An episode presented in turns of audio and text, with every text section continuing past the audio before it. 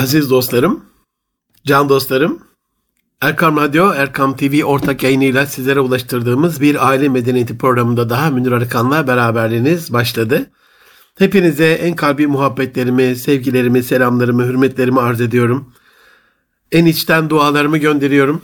İşlerinizin asan olması, ailenizin cennete dönmesi, yavrularınızın göz aydınlı olması için bütün yavrularımızın dünya ahiret e, mamurluğu, e, sağlığı, selameti, muhabbeti için hepinize en içten dualarımı gönderiyorum. Efendim geçen hafta hatırlayacaksınız aile mürebbiyeliği birinci bölümünü sizlere arz etmiştim ve inşallah en kısa zamanda da tamamlamak nasip olur diye ikinci yarısını tamamlayacağıma dair sözü vermiştim. İnşallah bu hafta ikinci yarısıyla aile mürebbiyeliği konusunu bitirmiş olacağım. Biliyorsunuz 3 yıl aşkın bir zamandan beri e, Erkam Radyo'da Ailede Huzur Arayışları programı ile sizlerle beraberdim. Ama şimdi e, yeni yayın dönemi Erkam TV, Erkam Radyo ortak yayınıyla biliyorsunuz bu programlarımızın görüntülü versiyonu aynı zamanda Erkam TV'de yayınlanıyor. Özellikle konuğumuz olduğu vakitlerde konuklu programlarımızda Erkam TV üzerinden de bizi izleyebiliyorsunuz. Erkam Radyo'dan dinleyebiliyorsunuz. İnşallah e, geçen hafta bahsettiğim aile mürebbiliğinin ikinci bölümünü bitirip inşallah yeniden e, konuklu olarak e, gelecek hafta itibaren devam etmeyi planlıyorum. Aziz dostlarım çocuklarımızın terbiyesinden hani Allah Resulü sallallahu aleyhi ve sellem Efendimizin bir baba çocuklarına güzel ahlaktan daha iyi bir şey veremez sözünden, düsturundan. Ben ancak güzel ahlakı tamamlamak üzere gönderildim sözünden.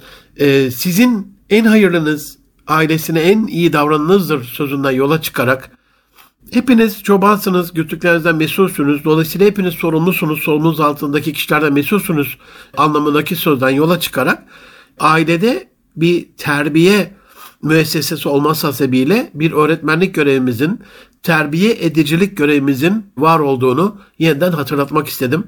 Çok özel, çok sıkıntılı, çok karışık, çok karman çorman bir dönemden geçiyoruz ailenin bütün yetkilerinin neredeyse alındığı, ailenin yavrularına anne baba olarak, ebeveyn olarak müdahalesinin eğitim anlamında neredeyse etkisizleştirildiği bir dönem yaşıyoruz.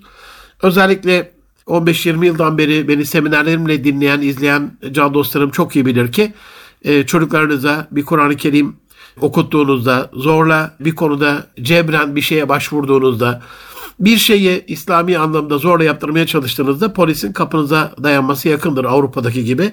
Tak tak tak çalıp çünkü polis diye içeri dalıyorlar. Allah muhafaza yeter ki çocuklarınız annem babam bana bunu zorla yaptırıyor desin. Ama bunu söylerken annenin babanın evlatlar üzerindeki hakimiyetini, mürebbiyeliğini, terbiye ediciliğini sıfırlaştıran sistem, küresel global sistem Öbür taraftan gençlik üzerinde, çocuk üzerinde, bebek üzerinde, anne karnındaki cenin üzerinde söz sahibi olmayı kendinde buluyor. Bu da ayrı bir kısır döngü. Ee, Allah şerlerinden bizleri ırak eylesin. Aziz dostlarım, özellikle Mevlana Celaleddin Rumi Hazretleri'nin Ey oğlum Sultan Veled, benim dünyaya gelme sebebim senin dünyaya gelmen içindir sözünden yola çıkarak, bu güzel veciz sözü hatırlayarak evlatlarımız için dünyaya geldiğimizi, onların göz aydınlığımız, sadaka cariyemiz olması adına onlar için bir şeyler yapmamız gerektiğini sizlere ilk bölümde hatırlatmıştım. Onların e, zürriyetimizin birer göz bebeğimiz olması, gurratu ayun olma, olması için de neslimizi İslamca, insanca, Müslümanca yetiştirmemiz gerektiği zorunluluğunu sizlere anlatmıştım. Allah Resulü sallallahu aleyhi ve sellem Efendimizin e, Hira'daki ilk emri aldıktan sonra vahiy ile müşerref olduktan sonra ilk durağının evi olduğunu, Hazreti Hatice validemiz olduğunu, onunla dertleştiğini, ondan ilk tasdiki aldığını sizlere bahsetmiştim. Dolayısıyla en sağlam kale ailemiz, e, en muhkem e, surlarımız, burçlarımız, ailemiz, en güzel okulumuz da ailemiz. Bu anlamda dışarıdaki bütün bu saldırılara aileyi yok eden, yok sayan, etkisizleştirmeye çalışan anne baba ebeveyn e, yükümlülüğünü, sorumluluğunu global dünyaya karşı e, en güzel terbiye edici müessesenin aile olduğunu yeniden hatırlatmak istiyorum sizlere. Can dostlarım ikinci bölümde anlatacaklarıma geçmeden evvel aileyi bir öğrenme merkezine dönüştürün e, demiş ve bunu aile kitaplığı kütüphanesi kurarak aileyi bir kitap okuma merkezi haline getirerek özellikle bebeklik çağına itibaren yavrularınıza her gün e, belli bir şekilde kitap okuyarak evinizde girişte bir aile panosu oluşturarak bunu başlayacağınızı anlatmış. Aile tahtasında kalmıştım. Aile tahtası ve imkanınız varsa mini projeksiyonla bu aileyi bir öğrenme merkezine dönüştürme kısmını hemencik tamamlayıp ikinci maddeye geçeyim. Aile tahtası çok hızlı geçtim ama hani ailenizde girişte 100 santime 60 santim işte 80 santime 50 santime battığında bir mantar pano asmanızı geçen hafta söylemiştim. Buna haftanın, günün, ayın, yılın enlerini, en güzellerini e, en gözde olanlarını, en dikkatinizi çeken unsurları koyabileceğinizi sizlere söylemiştim. Günün hadis-i şerifi olabilir, haftanın ayet kelimesi olabilir, günün özlü sözü, ayın en önemli olayı gibi olabilir ve bunları çocuklarınızla paylaşmanız gerektiğini, çocukların size bunları anlatması gerektiğini, sizin onları anlatmanız gerektiğini bir taraftan bilgilendirme, bir taraftan da güzel konuşma, hitabete de bunun çok e, faydalı olacağını söylemiştim. E, kütüphane derken de herkes kendi ölçüsünde mütevazi bir şekilde aileyi bir kitap okuma merkezine dönüştürmeli. Bebeklik çağından itibaren çocuklar görmese de gözleri açık olmasa bile onların yanında kitap okumaya başlayın diye de onu önermiştim. Şimdi birinci maddenin A, B şıkkı bunlar. C şıkkı inşallah aile tahtası. Bunu kastederken de bu korona döneminde biraz daha evde daha fazla olduğumuz e, bu dönemlerde ailenin Hani dışarıya güvenemiyoruz. Sosyal mesafeyi korumak zorundayız. Camide bile saflarımız ayrı ayrı. Belli me- mekanlara, merkezlere istediğimiz gibi gidemiyoruz. Belli saat kısıtlamalarıyla karşı karşıyayız. Ama en önemli sığınağımız aile. Dolayısıyla e, aileyi bir eğitim merkezine dönüştürmek adına aynı sınıflardaki gibi imkanı olan dostlarımız tabii ki bir akıllı tahtaya dönüştürebilir bunu dijital bir tahtaya ama normal bir mantar tahtada olabilir. Plexi bir tahta olabilir. Camdan bir şey olabilir. Plexi tahta derken hem plexi hem tahta nasıl olacak hocam diyebilirsiniz de hani ayaklı e, beyaz tahtalar var. Bunların bazısı camdan oluyor. Bazısı plexiden bazısı tahtadan. Önemli değil. Mühim olan yazılı yazmanıza imkan veren bir mecranın olması. E, bazıları duvarı çok böyle yapışkan böyle basit şeyler var. 20-30 liralık e, şeyde fiyatta. Ee, onlar statik olarak elektrikleniyor. Kendi kendine yapışıyor zaten duvara. İz de bırakmıyor. Hemen de istediğiniz zaman kaldırabiliyorsunuz. Böyle ince bir plastik şey var. Kaplama. Onunla da kaplayabiliyorlar duvarlarını. Artık o size kalmış. Beyaz kağıt var e, post şeklinde duvara yapışan. Tabi orada duvara zarar vermeyecek, boyaya zarar vermeyecek bir şekilde olması lazım. Ya da cama falan yapıştırabilirsiniz, kapıya yapıştırabilirsiniz. Mühim olan aile üyelerine sırayla kalkıp yani sadece tek annenin, babanın, dedenin anlattığı bir şey değil de bütün aile üyeleri yaşına bakılmaksızın kaç yaşında olursa olsun tahtaya çıkıp bir şeyler anlatması onların kişilik ve karakter gelişiminde çok önemli bir etkiye sahiptir. Hani o toplum önüne çıkıyor. O sahneye çıkıyor. Evinizin o mütevazi ölçeğinde ve diğer aile üyeleri saygıyla onu dinliyor, sevgiyle dinliyor. İnanın ne konuştuğu hiç önemli değil. Sevgili Emir Burhan abimin can yavrusu kuzusu bundan 20 yıl önce 6 yaşında falandı. 15 yıl önce 6 yaşında falandı. Tahtanın önünde biz projeksiyona evde yansıtırken böyle aile koçluğunda ilk derste hani bir oraya bir oraya giderler ya sahnede eli arkasında bir oraya gidiyor bir oraya söyleyecek bir şey bulamadı ama alkışladık böyle. Ee, daha sonra anlatmaya başladı bir şeyler söylemeye başladı konuşmaya başladı. Elhamdülillah 2-3 yıl önce de 3 yıl oldu galiba İmatiplerin yaptığı bir münazara yarışmasında birinci olarak e, Cumhurbaşkanımızdan ödülünü almıştı. E, benim için çok ayrı bir e, önemi ve yeri var. Dolayısıyla söylediğimiz, önerdiğimiz şeyler öyle haybeden salladığımız, bol kesen anlattığımız şeyler değil, yaşanmış, doğruluğu tasdik edilmiş, belki yüzlerce, binlerce defa sağlaması yapılmış çok önemli düsturlar. Uygularsanız sizler mutlu olursunuz, bizler mutlu oluruz, çocuklarımız mutlu olur. Bu şekliyle çocuklarımızın özellikle öz saygısı ve sonrasında buna bağlı olarak özgüveni gelişir. Sunum kabiliyetleri çok artar. Konuşmaları güzelleşir. E, tahtada bir şeyi öğretmeye çalışmaları en etkili öğrenme şekillerinden birisidir aziz dostlarım. Bir taraftan da dinleme edebini öğretir. Çünkü ayağa kalkan, tahtaya kalkan bir kişiyi oradaki bulunan Hazirun'un dinlemesi de gerekiyor aile içerisindeki paylaşmanın da çok daha yaygın bir hale geleceğinden eminim. Tahta önünde yazarak çizerek anlatmak e, belli bir hazırlık gerektirir aynı zamanda. Dolayısıyla hani aile üyelerine aklınıza bir şey geldiği zaman Normalde bizim yaptığımız odur yani bir şeye kızmışsak, bir şey aklımıza gelmişse, aklımıza fikrimize gelmişse ne yaparız? Anında parlayarak şöyle yap, böyle yap bunu söyleriz ama eğer tahtada mürebbiye olacaksak, ailede mürebbiyelik yapacaksak ve bunu tahta önünde bir şeyler yazıp çizip anlatacaksak bir hazırlık gerektirir. Rabbimizin kavlen beliga emrinde onlara beli içe işleyen sözler söyleyin emrinin içerisinde birçok müfessirin bu konuda mutabakatı vardır, icması vardır, ittifakı vardır. Bir hazırlık yapmayı gerektirir. Beri söz öylesine aklına geldiği şekliyle bol keseden çok af buyurun işkembeden sallayarak olmaz. Dolayısıyla aile, aile üyeleri bu tahtaya hazırlıklı olarak geldiklerinde herkesin profesyonel sunucu olmadığı kesin, öğretmen olmadığı, eğitimci olmadığı kesin. Tabii ki yaşa göre, tabii ki entelektüel birikimlerine, kabiliyetlerine, yeteneklerine göre mühim olan burada annelerin, babaların, ebeveynlerin, aile büyüklerinin çok mükemmeliyetçi olmamaları. Aziz dostlarım bizim böyle bir mükemmeliyetçilik takıntımız var. Bu çok büyük bir takıntı. Mesela Çocuklarımı büyütürken şimdi 15 yılı geçti belki de 20 yılda geçmiştir. Evimizde televizyon yok.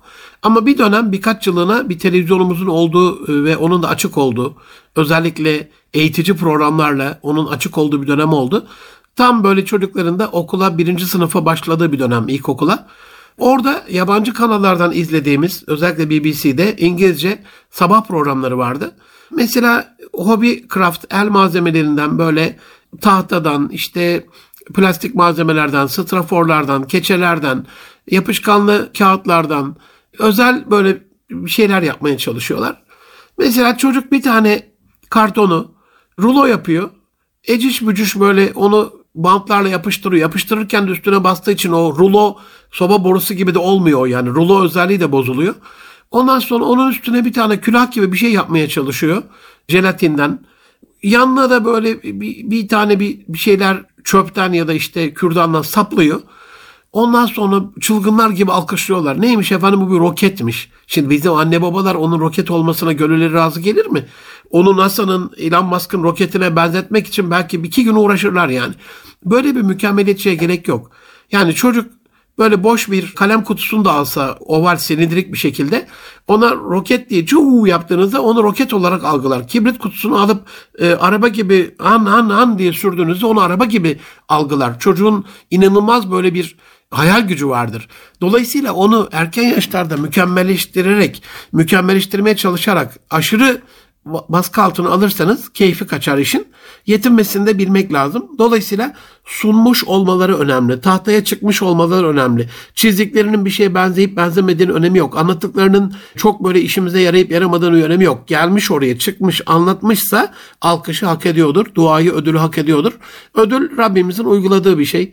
Bu dönemde ödüle karşı çıkan birçok eğitimci kardeşimiz var ama fıtratta ödül vardır. Rab bir şey yapıyorsa bizim için de örnek ol, oluyordur. Eddebeni Rabbi fahsine tedibi. Rabbim beni terbiye etti. O ne güzel terbiye etti. E, sözünden yola çıkarak onun terbiye etme şeklinde ödül ve ceza vardır. Bundan kaçamayız. Tabi bunun rüşvet olmaması kaydıyla böyle bir parantez içinde bunu söylemiş olayım. Aile tahtasının önünde özellikle hazırlıklı olarak sunum yapmak çocuklarda iki şeye özellikle yol açar. Birincisi ön hazırlık bir sorumluluk duygusu gerektirir. Dolayısıyla onların ben hazırlık yapmak durumundayım. Bu sorumlulukla okula giderken bunu öykünürler, modellerler. O zaman derse çalışarak gitmek zorundayım. Malzemeleri yanıma almak zorundayım. Sporla alakalı bir şey gittiklerinde elbisemi, eşofmanımı yanıma götürmek zorundayım. Yemekle ilgili eğer bir şey varsa beslenme çantamı yanıma almak zorundayım gibi bu sorumluluk duygusunu hayatın diğer alanlarına yansıtır. Uygularken de tahtanın karşısında hazırlıklarını anlatırken de özellikle kendine olan öz saygısı, ailenin ona olan saygısından dolayı kendine olan özgüveni gelişir. Tabi bunun sonucunda otomatikman konuşması, beden dili, diksiyonu, fonetiği, hitabeti de gelişecektir. Burada bu tahta önündeki sunumu yaparken aile gündemine göre hazırlıkları yapılması, bunun yerel olması, aileye özel olması, Hani Diyanet'in hutbesine de dönmemesi lazım. E, Türkiye'de tek tip hutbe, e, milli eğitim müfredatına dönmemesi lazım. Tek tip müfredat yereldir. Eğitimde yerellik esastır. Ailenin özel yaşadığı sorunlara göre, mutluluğa göre, muhabbete göre o günün, o haftanın, o ayın konusu gündemde olursa çocuklar bunu daha iyi algılarlar. Konular anlatılır burada. Ee, bir de serbest konulu böyle hani gündeme bağlı değil ama kişilerin kendi özel alanına göre anlatımlar e, bilgimizi çeşitlendirir, zenginleştirir. Farklı farklı bilgiler gelir. E, biz bunu belli bir klasmana çevirebilmek adına ya da tek tipe dönüştürmek adına baskı yapmazsak ailemizin neye e, odaklandığını görmüş oluruz. Hangi konularda hangi konuların onların ilgi alanında olduğunu görmüş oluruz. Çocuklarımızı tanımış oluruz ama desek ki onlara gidin işte bugün şu konuda bilgi alın gelin onu anlatın. Yarın bu konuda bilgi alın. Tek kişiye göre bir yönetim tarzı aile içerisinde de ülke içerisinde de şirket içerisinde de uygun değil. Bugün dünyanın en başarılı ülkeleri şirketleri baktığımız zaman ortak aklı kullanan, e, ortak yönetim sistemini geliştiren ülkeler ve şirketler oluyor. Bunu uygulamamız lazım. Aziz dostlarım birinci maddenin dördüncü şıkkında mini projeksiyon imkanı olanlar için her evde e, bir televizyon var, tablet var, telefon var. Ee, özellikle bu bilgisayarların e, HDMI ya da VGA kablolarla televizyon televizyona bağlanması bir kolaylık sağladı. Hani televizyon ekranını artık projeksiyon gibi kullanabiliyoruz. Ama imkanı olanların hani ayrıyeten bir evde projeksiyon bulundurmaları projek, projeksiyonun şeyi e, çok daha farklı yani. Onun e, böyle sunum ruhaniyeti normal bir televizyon gibi değil. E, yani televizyonda ben bazı okullarda görüyorum akıllı tahtayı daha büyük televizyonlarla yapmışlar. Bir ara öğretmen akademisinde de epey bir eğitim verdik. E, orada da Hüseyin Akar sevgili dostum e, onu da kulağını çınlatayım. Orada da gördük ki hani akıllı tahtada o büyük ekranlarda şey kadar mini projeksiyon ya da normal projeksiyonlar kadar etkili olmuyor. Onlar çok daha etkili kullanılıyor. E, bunu yaptığınızda işin daha eğlenceli hale geleceğini göreceksiniz. E, üstelik bir taraftan da çocuklarınıza erken çocukluk döneminde teknolojik alet edevatı nasıl kullanmaları gerektiğini de öğretmiş olacaksınız. Onların odaklarını da arttırmış ve şeyde o konuya odaklayacaksınız aziz dostlarım. Aziz dostlarım ailemizi bir aile mürebbili uygulamasında öğrenme merkezine dönüştürmek için aile kitaplığı, kütüphanesi, aile panosu, aile tahtası ve imkanınız varsa bir mini projeksiyonu anlatmış oldum. İkinci önerim e, aile mürebbeliğinin ailenizde olması için aileyi eğlenceli bir öğrenme merkezine dönüştürün. Hani aileyi bir öğrenme merkezine dönüştürün ama ikinci önerim eğlenceli bir öğrenme merkezine dönüştürün. Geçen Gaziantep'ten çok sevdiğim bir e, koç arkadaşım aradı. Hocam dedi 7. sınıf öğrencisi bir öğrencim var. Okula gitmek istemiyor. Artık okul benim için önemli değil dedi. Ne yapalım bununla alakalı? Hani bir, bir insan bir yere gitmek istemiyorsa, biriyle görüşmek istemiyorsa, bir insan bir tüketici olarak bir ürünü almak istemiyorsa ilk aklıma gelen o işin eğlencesi kaçmıştır. Bir sıkıntı vardır yani. O sıkıntıyı psikolojik olarak, e, psikiyatrik olarak, e, metabolik olarak anlamak lazım fizyolojik olarak algılamak lazım, bedensel olarak algılamak lazım, sağlık, saat, afiyet açısından algılamak lazım. Yanlış algılarsak çünkü, yanlış yorumlarsak e, sıkıntı da verebilir.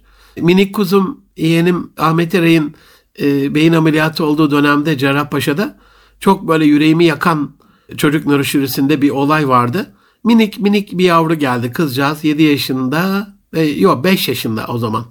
E, bir yılda kaldılar işte 6 yaş. E, sonu çok hayır e, gerçi hayır şer Allah'tan ama e, çok böyle hüzünlü bitti öyle söyleyeyim. İki yaşında küçük bir kardeşi var. Beş yaşındaki bu yavrunun. Ve sürekli anneye babaya işte beni kucağınıza alın, beni kucağınıza alın. Yolda gittiği zaman oturuyormuş yavrum. Böyle hemen bir kaldırıma. AVM'ye girince merdivene oturuyormuş. Beni kucağınıza alın. Bunlar da şiddet uygulamıyorlar ama epey bir sözel şiddet uyguluyorlar. Zihinlerinde şu varmış anne babanın. Hani yeni bir kardeşi oldu. 3 ee, yaşındayken şimdi 5 yaşında son 2 yıl o kardeş kıskançlığıyla kıskanıyor. Onun için o da bebek gibi kucakta gezmek istiyor diye düşünmüşler ama olay öyle değil. Meğersem beyin tümörü varmış yavrucakta. Ee, baba böyle sarılarak bana ağlamasını ömrüm boyunca hiç unutamayacağım. Dolayısıyla hani yanlış algı Allah korusun çok yanlış bir teşhis, e, çok yanlış bir sonuca götürür. Çok doğru algılamak zorundayız. Hani herkes haddini bilmeli. Evet biz bir düşünce koçu olabiliriz, aile koçu olabiliriz, eğitimci olabiliriz, bir radyo programcısı, televizyon programcısı olabiliriz ama işin bilimsel e, açıdan analizi e, çok çok daha önemlidir. Bir başka benim danışanımda da şöyle bir durum yaşadım ben. Yavrucak böyle lise 3. sınıftaydı galiba o zaman isim vermeyeyim. İlgisiz böyle hani koçluk yapıyoruz ama kariyer koçluğuyla alakalı çok fazla ilgisi yok. İşte çok katılımcı değil falan. En son onunla alakalı şeyi hani keyfi yerine gelsin diye o karar versin diye durdurdum. Ee, üstelemedim ama bir yılda geçti böyle. Sonrasında annesi aramıştı. Ee, yavrum e, beyin tümörü çıktı hocam bununla alakalı ne önerirsiniz diye. Bu da benim için çok böyle can yakıcı bir yaşadığım anekdottu. E, onun için doğru teşhis tedavinin en önemli e, amacıdır. En, en önemli aracıdır. Herkesin e, haddini bilip ilk önce doğru bilimsel yöntemler denedikten sonra ya da o bilimsel yöntemlerin ışığında bir şeyler önermesi, yapması, etmesi lazımdır. Nereden geldik buraya? Eğer okulu bırakmak istiyorsa bir çocuk oradaki eğlence bitmiştir. Öğretmendeki eğlence bitmiştir. Hani bir insan bilgi bitiyor diye bir yerden e, ayrılmaz. Öyle olsaydı bütün ürünler hala üretiliyor. O kadar tüketici niye ayrılıyor? Tüketici bağlılığı, aidiyeti niye yok oluyor? Keyif bitiyor çünkü. Ondan aldığı keyif, duygu. Duygu yok olduğunda eylem anında biter. Dolayısıyla bir şey söylerken size inanın 10 defa düşünüyorum. İşi eğlenceli hale getirin derken burasının da işin en can alıcı noktası olduğunu hatırlatarak başlamak istiyorum. Çocuklarımız e, dedelerinden, ninelerinden, amcalarından, dayılarından, teyzelerinden e, neden bizlerden daha doğrusu neden kaçtılar? Çünkü sıkıştırdık onları. Mücbir kıldık, zorladık, kızdık, dövdük, sinirlendik, öfkelendik, öfke nöbetleri geçirdik, bağırdık, çağırdık. Onların hayatının bu acı gerçeğinden onları nasıl zorladığımızı hiç hissetmeyerek, empati yapmayarak bunalttık. Dolayısıyla onlar da bu hayatlarının acı gerçeğinden sanal hayatın tatlı ekranlarına yöneldiler. Tabii ki tatlı derken manevi anlamda tatlı demiyorum ama işte cehennem böyle tatlı, süslü, güzel şeylerle süslendiğine göre Allah korusun sanal alemin o fani ve bedbah e, şeyleri, tuzakları onları cezbediyor. Burayı çok iyi anlamamız lazım can dostlarım. Fehminize, idrakınıza, izanınıza, aklınıza, imanınıza, firaset ve basiretinize güveniyorum. Ne olur beni doğru anlayın. Bilgisayar oyununda kızma, bağırma, çağırma, dövme yok. Eğlenceli. İnsan öldürme üzerine kurulan oyunları bile eğlenceli hale getirmiş alçaklar. Yani çocuklarımızı nasıl ele geçireceklerini çok iyi biliyorlar. Oyunda bir süre var. Zorluk derecesi gittikçe artıyor, heyecan var. Arka fonda tatlı bir müzik var. Her bölümü geçtikçe artan bir kazanç var, ödül var. Online olarak e, belli arkadaş gruplarıyla oynuyorsunuz bir paylaşım var. Toplu olarak oynanan o online oyunlarda arkadaşlarla bir rekabet var. Neden? İşin tek başına tadı çıkmıyor çünkü. Onu görmüşler. Dolayısıyla ailedeki mürebbiyeliğinin, mürebbiyeliğimizin bu söylediklerimden ders çıkartılarak yapılması lazım. İçinde eğlence olmayan, yarışma olmayan etkinlikler çocuklarımızı cezbetmiyor aziz dostlarım. Cezbetmez. Kur'an-ı Kerim bile artık unutmayın TRT ekranlarında bir yarışma formatında veriliyor. İlahi sistematik içerisindeki kurulu düzende bir yarış değil mi zaten? Bir baktığımız zaman Allah'ımızın kurduğu sistem de bir yarış değil mi? Sonu ödüllü, derece ve mertebeleri olan bir hayır yarışı, kat kat cennet, kat kat cehennem. İşte bizim de fani bu alemde bu sistemi modelleyerek bir sistem kurmamız lazım. Kur'an, tefsir, hadis, kelam, siyer, amenna. Ama çocuklara özel bir fıkra saati de olması lazım. Bir film saati, bir tiyatro saati, bir komik böyle mini video izleme saati, bir mini film, bir paylaşım saati olması lazım. Kelimun nasana kadar okulihim insanlara akıllarını alacağı ölçüde konuşun. Hadis-i şerifi unutmuşuz gibiyiz maalesef. Medrese molalarına eğitim veren ulemanın edasıyla ders anlatıyoruz çocuklara. Onlar da kaçıyorlar doğal olarak bizden. Halbuki halbuki aziz dostlarım, can dostlarım tarihi kadim değerlerimize, kültürümüze, örfümüze baktığımız zaman, geleneğimize baktığımız zaman Hacivat Karagöz diye dünyanın en değerli çocuk tiyatrosu konsepti çıkar karşımıza. Hacivat Karagöz figürü yanında birkaç oyun figürü daha çok pahalı değil. İnternetten sipariş verirseniz toplamda 50-100 lira arası bir şey tutar alabilirsiniz yani.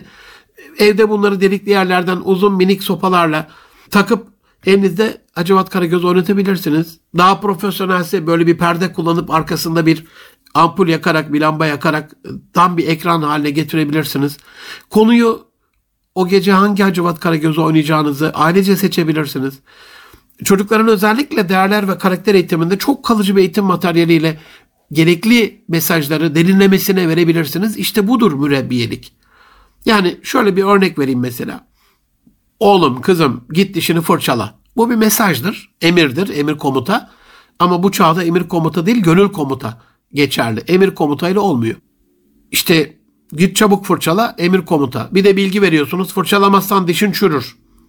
Peki bilgi değiştiriyorsa insanları neden şu anda sigara paketlerinin bütün üzeri o sigara içenlerin berbat halini, bedbah halini vermesine rağmen onu göre göre bile bile alıyorlar, içiyorlar. Bilgiyle değil. Sigaranın kanser yaptığı çok aşık, çok aşikar, biliniyor. Ama bırakılmıyor işte. Dolayısıyla duygu gerekiyor biraz.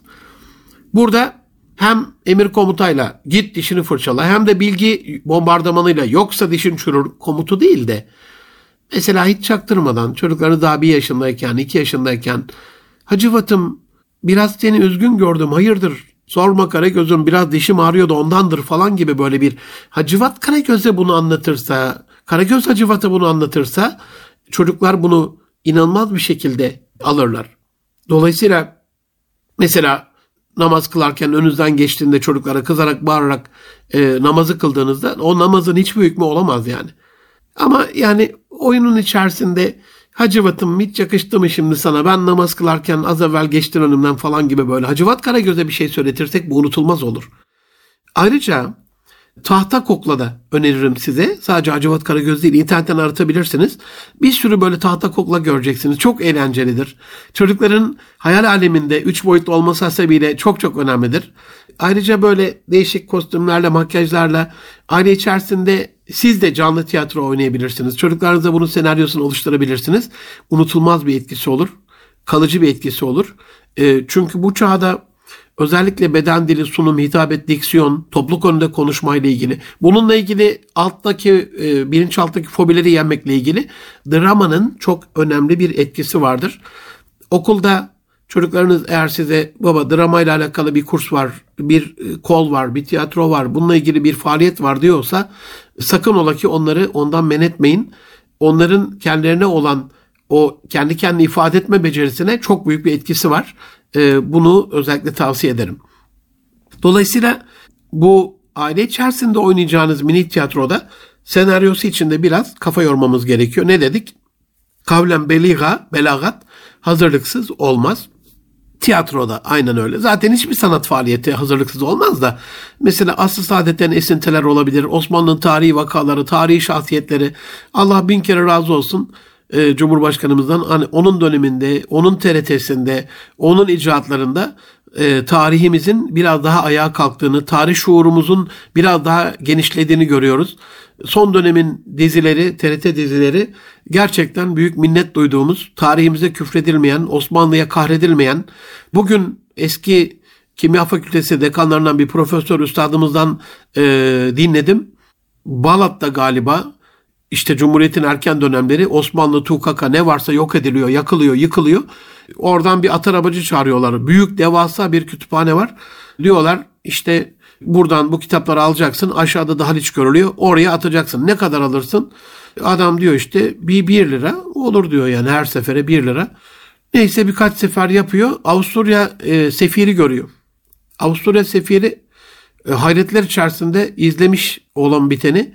Evladım diyor nasıl olsa dökeceksin. Bak şuraya e, hemen sol tarafta şuraya getirsen diyor kaç lira istersin benden bu bir tane Kaan arabasına doldurmuş at arabasının çok daha güçlüsü düşünün. O da diyor valla 1 liraya döküyorum diyor. Ne verirse olur mu diyor ya al sana 15 lira sen buraya getir. o kitapları alıyor götürüyor. İçinden ne çıkıyor biliyor musunuz? Hani bu sadece bilinen bilinmeyen milyonlarca kitap var böyle. İbn Sina'nın tıp kitabı çıkıyor kendi el yazmasıyla. Dünyada tek nüshası olan ve daha sonra bizim devletimiz ileriki dönemde bunun ne kadar önemli olduğunu anladığında Avusturya Kütüphanesi'nde sergileniyor şu anda e, Viyana'daki müzede. En azından diyorlar hani bir e, kopyasını bize lütfedin. Onlar da hayır diyorlar. Tek, tek kopyası e, bizde olacak. Şimdi bir düşünün neler neler yapmışız yani. Dolayısıyla bu tarihi vakaları, tarihi şahsiyetleri Hani ne dedik? Öz saygı dedik. Buna bağlı özgüven dedik. E, bir insan kendi kökünü, soyunu, sopunu, annesini, babasını inkar ederek bir insan kendi yaşadığı şehri, kendi yaşadığı ülkeyi inkar ederek, bir insan kendi yakın akrabasını reddederek yücelmesi, yükselmesi asla mümkün değildir. Soyu sopu, e, milliyetçilik, kafatasçılığı bu anlamda e, şeytanlığı önermiyorum elbette ama bunların tukaka edilmesi de e, kökü inkar gibi, ağacı kökten kesmek gibi bir şey. O onu ihya etmez. Kökten beslenir e, bütün ağaçlar. Yaprağıyla dalıyla gürler ama yaprağı, dalı ve meyveyi de besleyen köklerdir. Onun için kadim tarihimizden seçin seçebildiğiniz kadar. İstiklal Savaşımızın kader şinas kahramanlarını sayısız şahsiyetler vardır birbirinden değerli. Dolayısıyla bunu o aile tiyatrosunda oynayabilirsiniz. Biraz dijital bir dönem. E, kabiliyeti olan çocuklarımızdan böyle mini klipler çekmelerini isteyebilirsiniz aziz dostlarım. Anne baba dede nine akraba onlar da bu oyunun e, figüranları olurlar. Başrolde çocuğumuz var. Onlar da kastan e, seçilmiş oyuncular olurlar. Tabii eğlence derken bir şey daha önerebilirim size. Mesela değişik dergilerden ya da e, bilgisayardan dijital olarak print ettiğiniz birbirinden farklı bağlantısız 20-30 resim bunları sıraya koyarak herkesin sırası geldiğinde o ilk başlattığınız hikayesinden sonraki gelen kişinin sıradaki resimle devam ettirmesini sağlamak inanılmaz bir sağlık faaliyetidir. Hayal gücünü tetikler, düşünceyi geliştirir, olaylar arasındaki bağlantı kurma kabiliyetinizi, e, özellikle hızlı düşünmenizi, hazır cevap vermenizi e, ve inovatif düşünmenizi sağlaması açısından çok önemlidir. Yani 15-20 tane resim alıp herkes kendi önüne bir resmi aldığında birinci kişi kimse dede diyelim e, elindeki resimden başlar bir şey anlatmaya. İkincisi kendi önün elindeki resimle birinci resmin balansını kurarak böyle böyle 2 3 5 e, 10'a kadar kaça kadarsa e, gider. Bu da çocuklarımız açısından çok çok önemlidir. Aziz dostlarım bir başka önerim üçüncü maddede çocuklarımızın yetenek ve karakterlerini keşfetmeye çalışın. Hani aile mürebbiliğinin asıl esas omurgası bu olduğunu düşünüyorum ben. E, biraz daha aileyle yüz göz olduğumuz ya da e, yüz yüze göz göz olduğumuz, yüz göz demeyeyim de vakitler bu vakitler. İnternetten çok önemli kişilik testleri var. E, kişilik ve karakterleri tanıma yönelik etkinlikler var. Herkes kendi şakiyesine göre davranır. Kul kulun ya'mel ala şakireti ayet, ayet kelimesine göre kişilik ve karakterimize uygun davranışlar sergiliyoruz. Huy değişmiyor. Onun için o değişmez huyu anlamamız lazım. Mesela merhamet sonradan kazanılan bir eğitim eğitimle olacak bir şey değil. Cömertlik sonradan kazanılan ve ona verdiğiniz bir eğitimle olacak bir şey değil. İçindeki o cömertliği biraz daha parlatabilirsiniz ama cimri bir insan değiştirmeniz verdiğiniz eğitimle şunla bununla asla olmuyor. Ben hani bir eğitimci olarak 21. E, yılındayım e, düşünce koçluğumun. Yavaş yavaş eğitimden ziyade soya çekime, asalete, aileden görmeye, sondan görme yerine inanmaya başladım. Dolayısıyla Hani üç kuşak bir konak yüz yıl İlber Ortaylı hocamın dediği medeniyet tanımına ben de katılıyorum. Onun için şimdiden başlayalım diyorum. Küçük çocuklarımızdan 100 sene sonra gün ola harman ola biz bugünden sorumluyuz. Dedeleri şu anda değiştiremiyoruz. Babaları değiştiremiyoruz. Biz evlatlar olarak kendimiz değişemiyoruz. Çocuklarımızı değiştiremiyoruz. Torunlardan başlayalım. O torunların yetiştireceği torunlardan inşallah üç kuşak sonrasında biraz daha umutlu hale e, geliriz. Aziz dostlarım, özellikle çocuklarımızın hangi üstün özelliklere sahip olduğunu bulup bilip bunu onların da fark etmesini sağlayacak etkinlikler yapmalıyız. Yani bu dünyada benim önem verdiğim en önemli insani haslet insanların kendi sesini bulmasında onlara yardımcı olma özelliğidir. İnsanların en hayırlısı onlara en faydalı olandır. Burası hayatın direğidir, omurgasıdır yani. Varlık sebebini bilmeyen çocuklarımız kendilerini keşfetmezlerse mutsuz olurlar, başarısız olurlar, umutsuz olurlar, istikrarsız olurlar, hırçın olurlar. Madem ki evin içinde biz hep birlikteyiz. Mesela bir bakalım ben kimim tarzı oyunlar oynayabiliriz. Herkes birbiriyle bildiği özelliklerini yazar mesela. Yazanlar o özellikleri okur ve bunun kim olduğunu, bu özelliklerin kimde olduğunu bulmaya çalışır. Ee, birisi birinin ifadesini modelleyerek bunu kim söyler, kim bu şekilde konuşur gibi onu keşfettirmeye çalışır, düşündürür. Eğlencelidir de yani. Hani dedik eğlencede mahrum etmeyin ya. Bir de başarılı kişileri keşfetmek. Hani onların hangi özelliğinden dolayı bu başarıya ulaştıklarına odaklanmak çocukların kendilerini keşfetmelerine de yardımcı olur. Dünyanın en başarılı kişilerinin hangi özelliklere sahip olduğunu acil tartışmak bile bir eğitim etkinliğidir aziz dostlarım. Üstün körü ezberleme yöntemiyle öğrenmeleri yerine kafa yorarak, düşünerek, analiz ederek sonuca ulaşmalarını sağlar. Kendi kendilerine sonuca ulaşmalarını sağlar. Mesela bir örnek Bill Gates Microsoft'ta, Tim Cook Apple'da, Elon Musk Tesla'da, Jack Dorsey Twitter'da, Mark Zuckerberg de Facebook'ta bu e, şirketlerdeki bu kişilerin 10 olumlu 10 olumsuz özelliğini araştırın dediğinizde bu öylesine bir hayat öyküsü okumaktan çok daha değerli bir hale gelir. Bir de bunu mesela her bir kişiyi bir ay içerisinde yani yıl sonunda 10 kişiyi 12 kişiyi biliyorsa çocuk bu inanılmaz bir zenginliktir onun hayatında. Dolayısıyla hayatlarındaki en doğru kararları nedir? En büyük yanlışları neler olmuştur? En hayranlık uyandıran özellikleri nedir? En veciz sözleri nedir? En böyle size gayri ahlaki gelen davranışları, faaliyetleri, icraatları nedir? Bu unsurları ailece araştırıp görmek, aile masasında e, aile tahtasında bunları yazılı e, sözlü hale getirmek bizim de doğruları modellememizi, hatalardan ders almamızı ve insanları hem iyi hem de kötü yönleriyle değerlendirebilmemizi sağlar. Böyle bir melekemizin gelişmesini sağlar. Aziz dostlarım, Erkam TV, Erkam Radyo ortak yayınıyla sizlere sunduğumuz aile medeniyetinde Münir Arıkan'la birlikteliğiniz devam ediyor. Sizlere aile mürebbeliğini e, anlatmaya çalışıyorum. Ailemizde nasıl çocuklarımıza mürebbiyelik yapacağımızı, onlarla nasıl biraz daha hemhal olacağımızı anlatmaya gayret ediyorum. Bu başarılı kişileri anne babası olarak anlatırken mesela şöyle bir aile panonuzda, tahtanızda cümle olsa, bu M. Gray'in bir sözü, başarılı insanların başarısızların hoşlanmadığı şeyleri yapmak gibi bir alışkanlıkları vardır. Cümlesini yazdınız diyelim bunu. Demek ki başarılı insanlar başarısızların hoşlanmadığı şeyleri e, yapmak gibi bir alışkanlığa sahiplermiş. Yavrularım böyle bir 10 tane alışkanlık bulalım bakalım. Bakın bu çok büyük bir şeydir çocuklarınız için. Sizin için de öyle.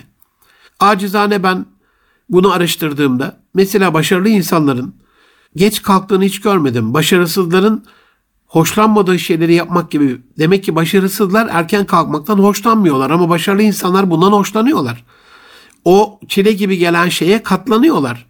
Başarısız insanların e, diş sağlığının iyi olmadığını gördüm. Diş fırçalamaktan hoşlanmıyorlar ama başarılı insanlar demek ki başarısızların hoşlanmadığı diş fırçalamayı hoşlana hoşlana yapıyorlar. İnanın cennet bu başarısızların hoşlanmadığı ya da cehennemliklerin hoşlanmadığı amellerin arkasında saklıdır yani. Evet sabahın belli bir vaktinde kalkmak, o soğuk sularla abdest almak, tutup böyle birkaç rekat namaz kılmak, gece teheccüde kalkmak, cebimizde e, canımızı dişimize takarak kazandığımız paranın bir kısmından fedakarlık yaparak, vazgeçerek, felaket ederek onu bir fakir fukaraya vermek çok kolay iş olmasa gerek. Ama unutmayın başarısız insanlar bundan hoşlanmadığı için bu amelleri yapamıyorlar. Başarılı insanlar bunu onların hoşlanmadığı şeyleri yaparak başarılı hale geliyorlarsa, iyi hale geliyorlarsa, güzel bir insan oluyorlarsa çocuklarımıza bunu böyle e, anlatmamız lazım. Bir vaaz edasıyla değil de hani çocuğum, yavrum, kuzum, eşim, bir tanem, tatlım, kıymetlim ne diyorsanız artık.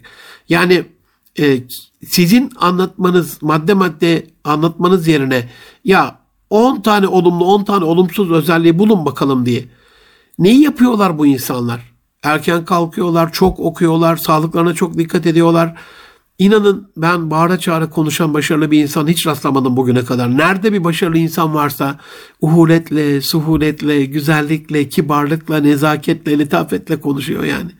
Onun için bunu bir ödev olarak çocuklarınıza özellikle vermenizi istirham ederim. Dolayısıyla aziz dostlarım çocuklarımızın sadece okula göndererek eğitilemeyeceği çok kesin. Çocuklarımızı sosyal medyaya teslim ederek çocuklarımızı çevresel olumsuzluklar içerisinde onları o batağa gark ederek bırakarak boğulmalarını izlemek uygun bir davranış olmasa gerek. Sahip çıkmamız gerekiyor.